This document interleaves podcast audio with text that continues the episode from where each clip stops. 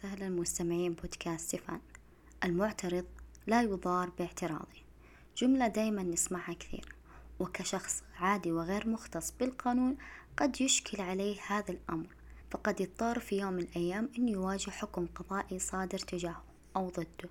وقد ما تسنح له الفرصة بأنه يستعين بأهل الاختصاص في تقديم المشورة له.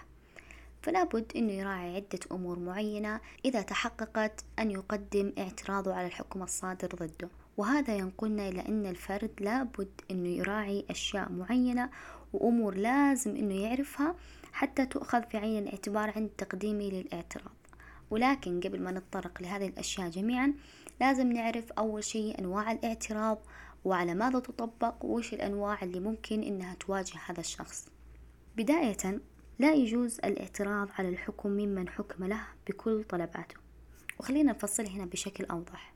الآن المدعي حين تقديمي للدعوة أراد مثلا من المدعى عليه آه خلينا نقول إنه قام أو في طلباتي في صحيفة الدعوة آه طلب إنه يلزم مثلا مدعى عليه بكذا وطلب بإلزام مدعى عليه بكذا وكذا وكذا. للمعلومية عند تقديمي في صحيفة الدعوة إذ لابد اشتراطا عليه أن تكون هذه الطلبات جميعا مترابطة في بعض البعض حتى يتم تقديمها في دعوة واحدة. ولو افترضنا الآن أنه تم تقديمها وتم أو القاضي طبعا حكم له فيها كاملة ففي هذه الحالة أنت كمدعي وكون أنه نحكم لك بجميع طلباتك ما ينفع تعترض عليه. ففي هذه الحالة يصير هو فقط الاعتراض حق من حقوق المدعى عليه. طبعا وصدر لائحة تنفيذية لطرق الاعتراض على الحكم ناقشت اللي هو مسائل الاعتراض والطرق وكيفية تقديم الاعتراض وما هي المدد النظامية وما إلى ذلك. طبعا هي انبنت فيها على نظام المرافعات الشرعية ويكون العمل بها من تاريخ نشرها في الجريدة الرسمية. الآن عندنا ثلاث أنواع من أنواع الاعتراضات. أولا ما يسمى بالاستئناف ونقصد هنا بالاستئناف فيه سواء كان تدقيق أو مرافعة. ثم يليه اللي هو النقض وكذلك اللي هو التماس إعادة النظر. الآن بالنسبة للثلاث حالات هذه أو الثلاث اعتراضات هذه في يعني خلينا نقول إنه مو أي حكم قضائي أنا راح أطبق عليه إحدى أنواع هذه الثلاث الاعتراضات لا تختلف. وهذا بالطبع ينقلنا إلى إنه أنا لازم أعرف أول شيء نوع الحكم هل هو حكم ابتدائي أو حكم نهائي مكتسب القطعية. وهذا طبعا يفرق وينقلنا إلى نوع الحالة من أصلها وبشكل مبسط خلينا نقول إنه تقريبا جميع الأحكام القضائية هي تكون أحكام ابتدائية ليش؟ لأنه إحنا عندنا في المملكة العربية السعودية اللي هو إحنا نتقاضى على درجتين اللي هو إنه الشخص يرفع أمام الدرجة الأولى ويترافع في قضيته ثم يصدر فيها حكم ويكون له أحقية إنه يرفع فيها استئناف حتكون درجة أو خلينا نقول درجة درجة التقاضي الثانية فاللي هو أنت عندك مبدأ التقاضي على درجتين. فما ينفع إنه مثلا يكون في حكم ابتدائي صادر من المحكمة الأولى ويكون للشخص حق إنه يعترض ونجي نقول والله هذا حكم نهائي. هذا أول شيء لابد إن الشخص يعرفه. فجميع الأحكام بشكلها العام إنها تكون زي ما قلنا صادرة بشكل ابتدائي. جاء النظام قال في حالات لازم تراعيها عشان أنا أجي أقول والله الحكم هذا ينقله من حالة كون ابتدائي إلى يصير إنه انتهاء أو إن صح التعبير نسميه نهائي أو خلينا نسميه مكتسبة القطعية جميعها تدل في ذات الموضوع. أول حاجة قال لازم تراعي فكرة اللي هو ميعاد الاعتراض طبعا هذا الشيء راح يتم تفصيله وكذلك فيما يخص الدعاوى اليسيرة. كذلك من الأمور اللي تنقل حالة دعوة من كونها دعوة ابتدائية في أصلها إلى دعوة نهائية أو خلينا نقول حكم نهائي. طبعا أنا ما أقدر أجي وأقول إنه مثلا في مدة اعتراض أو خلينا نقول إنه الدعوة حتى اليسيرة لأن هي الدعوة اليسيرة يكون لها شكل معين أو أو يعني لها حالات معينة إنه هذا هذا سواء الدعاوى اليسيرة أو مدة الاعتراض تنطبق على جميع أنواع القضايا أبدا مختلف. الوضع وتكييف كل قضية وتكييف كل حالة تختلف. أنا ما أقدر أجي أطبق لا لأنه النظام أعطاني مدد نظامية معينة وأعطاني حالات معينة سواء كان مثلا خلينا نقول سواء كان في العامة مثلا إذا كانت في قضايا معروضة أمام القضاء العام أو خلينا نقول كمان معروضة أمام آه، أبسط مثال عندك اللي هو مثلا في العمالي مو زي لما يكون في الأحوال الشخصية ففي مدد نظامية معينة. لكن إحنا خلينا نشرح على أبسط مثال اللي هي المدة الاعتراض اللي في شكلها العام هي تقدر بثلاثين يوم. تمام؟ وأنا قلت هنا في شكل عام لأن زي ما قلت مثلا في القضايا المستعجلة طبعا تؤخذ بمدة مدة اعتراض معينة. يعني زي ما قلنا أصلا اسمها قضايا مستعجلة فما راح تكون مدة الاعتراض هي نفسها مثلا إذا كانت القضية آه خلينا نسميها مثلا عادية. تمام؟ فتختلف. فزي ما قلنا إنه مثلا مدة الاعتراض 30 يوم في شكلها الغالب. طبعا أنا متى هنا أصلا بحسب اللائحة التنفيذية اللي صدرت أنا كيف أصلا أبدأ أحسب اللي هي هذه المدة؟ فالنظام جاء وقال لك والله إنه هذه المدة تبدأ من اليوم التالي ليوم تسليم صورة من صك الحكم. تمام؟ يعني القاضي حكم اليوم وسلمك صورة من صك الحكم فيصير من اليوم التالي اللي هو اليوم الثاني تنحسب المدة النظامية له. أو ممكن أن يتم تحديد يوم معين لتسليم صورة من الصك فيصير خلاص على طول من اليوم التالي أنت تبدأ تحسب اللي هي المدة النظامية. طبعا في نظام المرافعات الشرعية وضح بشكل مفصل أكثر فيما يخص لو كانت المدة الاعتراضية تخلخلتها بعض من أنواع الإجازات وكيف حسبتها يعني في نظام المرافعات الشرعية ويمكن الرجوع إليها. وكمان خلينا نوضح شغلة أنه آه، ملزم القاضي أنه في حين صدوره للحكم أنه يعلم الطرفين أنه ترى أنتم لكم مدة معينة للاعتراض يمكن الشخص أنه يقدم اعتراضه أمام جهات القضاء. خلينا نقول إنه والله انتهت مدة الاعتراض 30 يوم ونقول إنه المدة عليه ما قدم اعتراضه في هذه الفترة. النظام جاء وأعطاك مدة.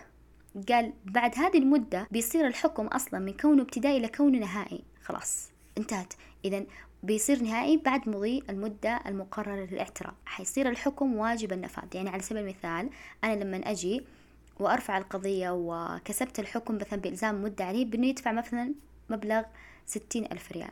حلو؟ طيب ستين ألف ريال هذه مثلا بعد مضي مدة اللي هو ثلاثين يوم للاعتراض صار هنا الحكم واجب النفاذ وأنا على طول أروح أخذ هذا هذا الحكم وأنا أنفذ عليه وبقوة النظام راح يتم تحصيل المبالغ ولكن لو قلنا إنها مثلا أقل من خمسين ألف إيش ممكن يصير؟ وهل تختلف إن الآن لما أقول والله أنت لك مدة اعتراض ولكن المبلغ خمسين ألف ففي اختلاف إي نعم في اختلاف. وهذا زي ما قلنا ينقلنا إلى فكرة الدعاوى اليسيرة. في النظام بشكل عام في الدعوة اليسيرة ممكن النظام يحطها مثلا أو يحصرها آه، في مثلا إنه المطالبة ب إذا كانت مثلا إنها ما تزيد عن خمسين ألف ريال هذه تعتبر من الدعاوى اليسيرة. على أساس ما تطيل إجراءات التقاضي فيما تخص مثلا القضايا اللي تعتبر أمام القضاء بسيطة وفي مبالغ معينة وفي يعني في لها حالات معينة. فخلينا نقول لو الحكم جاء ودخل في دائرة الدعاوى اليسيرة على طول يصير الحكم واجب النفاذ يصير نهائي. فزي ما قلنا إنه لو ما كان الحكم ابتدائي وصار نهائي حيكون إما بعد فوات المدة وإما أن يكون من الدعاوى اليسيرة اللي على طول بتخليه دعوى نهائية لا يقبل إنك تعترضين عليها باستئناف. لكن برضو اللائحة التنفيذية جات وقالت أنا أعطيتكم حل آخر أو مش حل آخر أنا أعطيتكم كمان هنا مساحة أكثر فيما يخص الدعاوى اليسيرة لأنه بشكلها العام ما تقدر تعترض آه، أو تستأنف آه، فيما يخص الدعاوى اليسيرة فتضطر على طول تروح مثلا تقدم نقض أو التماس أو, أو وممكن في أمور يعني مثلا ما هي في موضوع الدعوة. فجاء النظام أو اللائحة التنفيذية وجات قالت في مادتها الرابعة يجوز إنه في الدعاوى اليسيرة هذه إنك تعترضين على الحكم الصادر إذا كان في حالات محددة وحددتها النظام مثلا لو تم الحكم بعدم الاختصاص وفي دعوة يسيرة زي ما قلنا ما تتجاوز مثلا مبلغ معين فهنا أنت تجين عادي تقدمين استئناف إنه والله آه تم الحكم بعدم الاختصاص بناء على على على على إلى آخره. أو ممكن عدم جواز نظر الدعوة لوجود التحكيم هو شرط التحكيم. كذلك مثلا عدم قبول الدعوة لعدم لعدم تحريرها أو عدم قبول الدعوة مثلا رفعت قبل أوان هو الحالة طبعا المذكورة في نظام المرافعات الشرعية. في هذه الحالة لا أنت والله أنا أقدر أقدم استئناف أقول لو سمحتم الموضوع كذا كذا وأعيد النظر في ما تم الحكم به. الحين زي ما قلنا صار الحكم نهائي. أنا إيش ممكن أسوي؟ أنت الآن في هذه الحالة النظام جاء وقال أنت إما أن ترفع نقض وإما أن ترفع اللي هو التماس إعادة النظر. وهذا الاعتراضين مرهونة بفكرة وجود أو تحقق شروطها. جاء نظام المرافعات الشرعية وقالت إنه والله أنت لما تبي ترفع نقد ترى في واحد اثنين وثلاثة وأربعة. هل إذا تحققت إحدى هذه الشروط أنت هنا عادي يعني يكون مسموح لك نظاميا أنك أنت تقدم النقد. وكذلك نفس الفكرة في حال وجود الالتماس. ولكن هنا العبرة وين؟ إنه في حال مثلا خلينا نقول مثلا أنت قدمت التماس إعادة النظر وفعلا أنت حصلت إنه أو أو وجدت إنه الأوراق المقدمة كانت مزورة أو فعليا آه، في أوراق ظهرت بعد ظهور الحكم ومفروض إنها تغير في مجرى الدعوة وما إلى ذلك. إذ هنا تلزمك المحكمة بإنك تثبت هذا الأمر بشكل فعلي وإن هذه الأمور جميعها تعذرت عليك معرفتها أثناء المرافعة. كذلك في المادة العاشرة من اللائحة التنفيذية جاءت وقالت إنه في مذكرة الإعتراض المقدمة. الحين إحنا خلينا بس على أساس ما نخلط على المستمعين. إحنا الآن كل موضوعنا ينصب فيما يخص الاستئناف فقط. التماس إعادة النظر والنقد زي ما قلنا في لها شروط معينة اتحققت آه، يتم الرفع فيها وما عليها هذيك الإشكاليات. مو مثلا زي الاستئناف يكون فيها خوض أكثر. طبعا الخوض هذا أكثر يكون أو يهتم فيه أكثر المختصين في القانون من حيث تكييف الواقع وإيش إمكانية الترافع فيها أو الاعتراض عليها وفي أمور كثيرة إذ لابد أنه يراعيها. من هذا المنطلق إحنا نحب نقول أنه في نوع من أنواع القضايا عموما يلزم النظام أنه اللي يقدم الاعتراض أن يكون مثلا من محامي أو خلينا نقول أنه في قضايا جنائية مثلا تكون حساسة أو حتى مبالغ تجارية معينة أو ما إلى ذلك. فإحنا ندعو المستمع أنه يشور فيها أهل الاختصاص وأن يتولوا أصلا هذه الاعتراضات من أهل الاختصاص على أساس أنه يتحاشى فكرة أنه يدخل في هذه الدائرة المغلقة وأنه كان في أمور يجب أن يتفاداها لو أعطى هذا الموضوع لأهل الاختصاص. ولكن كما تطرقنا سابقا أنه في أمور لازم أنه مثلا الشخص لما يجي يقدمها مثلا إلى أهل الاختصاص أنه يتأكد منها حتى حتى يروح يستشير فيها. يعني في أشخاص مثلا مثلا صدر في حقي آه، خلينا نقول مثلا عقوبة جنائية معينة بالتعزير تمام؟ آه ويجيك بعد مضي المدة خلينا نقول إنه مثلا مش مضي المدة بفترة ولكن انحكم له وخلينا نقول إنه مثلا خلص خمسة وعشرين يوم تقريبا باقي له خمسة أيام أو ممكن نقول باقي له كم يوم وخلاص يصير حكم نهائي وما مثلا ما حد قدم عليه استئناف أو اعتراض فهذه الحالة أنت هنا بتضطر إنك أنت تحشر مثلا المحامي أو الشخص اللي بيقدم الاعتراض لك في مدة زمنية مع إن مثلا القضية تتطلب بحث وتتطلب اجتهاد وتكييف وممكن قد تتطلب إنه الشخص هذا المختص إنه يصف الواقع اللي حصلت بوصف قانوني وكيف بتكييف مختلف. قد ما رأى القاضي وقد يعني المحقق لم يصيب في في وصف الواقع اللي حصلت. إنه يراعي هذه الأمور المهمة لما يجي مثلا حكم صادر ضده. طيب نرجع لما تطرقت له المادة العاشرة قالت إنه في مذكرة الاعتراض لازم إنه تشتمل على أسباب معينة وإنه تذكر أو أنت يا شخص تذكر هذه الأسباب وكذلك تذكر طلباتك في هذه الأسباب. وبرضو لو في ممثل يعني يمثلك إن كشخص معترض لازم يشمل آه، اللي هو مذكرة اعتراض على وثيقة تقدم على أساس تبين إنه والله هذا الشخص أنا ممثلي يمثلني أو خلينا نقول وكيل عني أو محامي أو ما إلى ذلك. وإلا إن طبعا إن وجد هنا مش ما اشترط فيها إنه يكون في ممثل أو وكيل عنك ولكن إن وجد. في حال والله كانت مذكرة الاعتراض ما اشتملت على هذه الأشياء المذكورة حيحكم بعدم قبول هذا الاعتراض من أصله. طبعا كذلك في نفس اللائحة التنفيذية قالت إنه ممكن الخصوم من البداية. يتفقون إنه يصير آه، الحكم اللي بينهم يكون حكم هو الحكم الابتدائي هو حكم نهائي.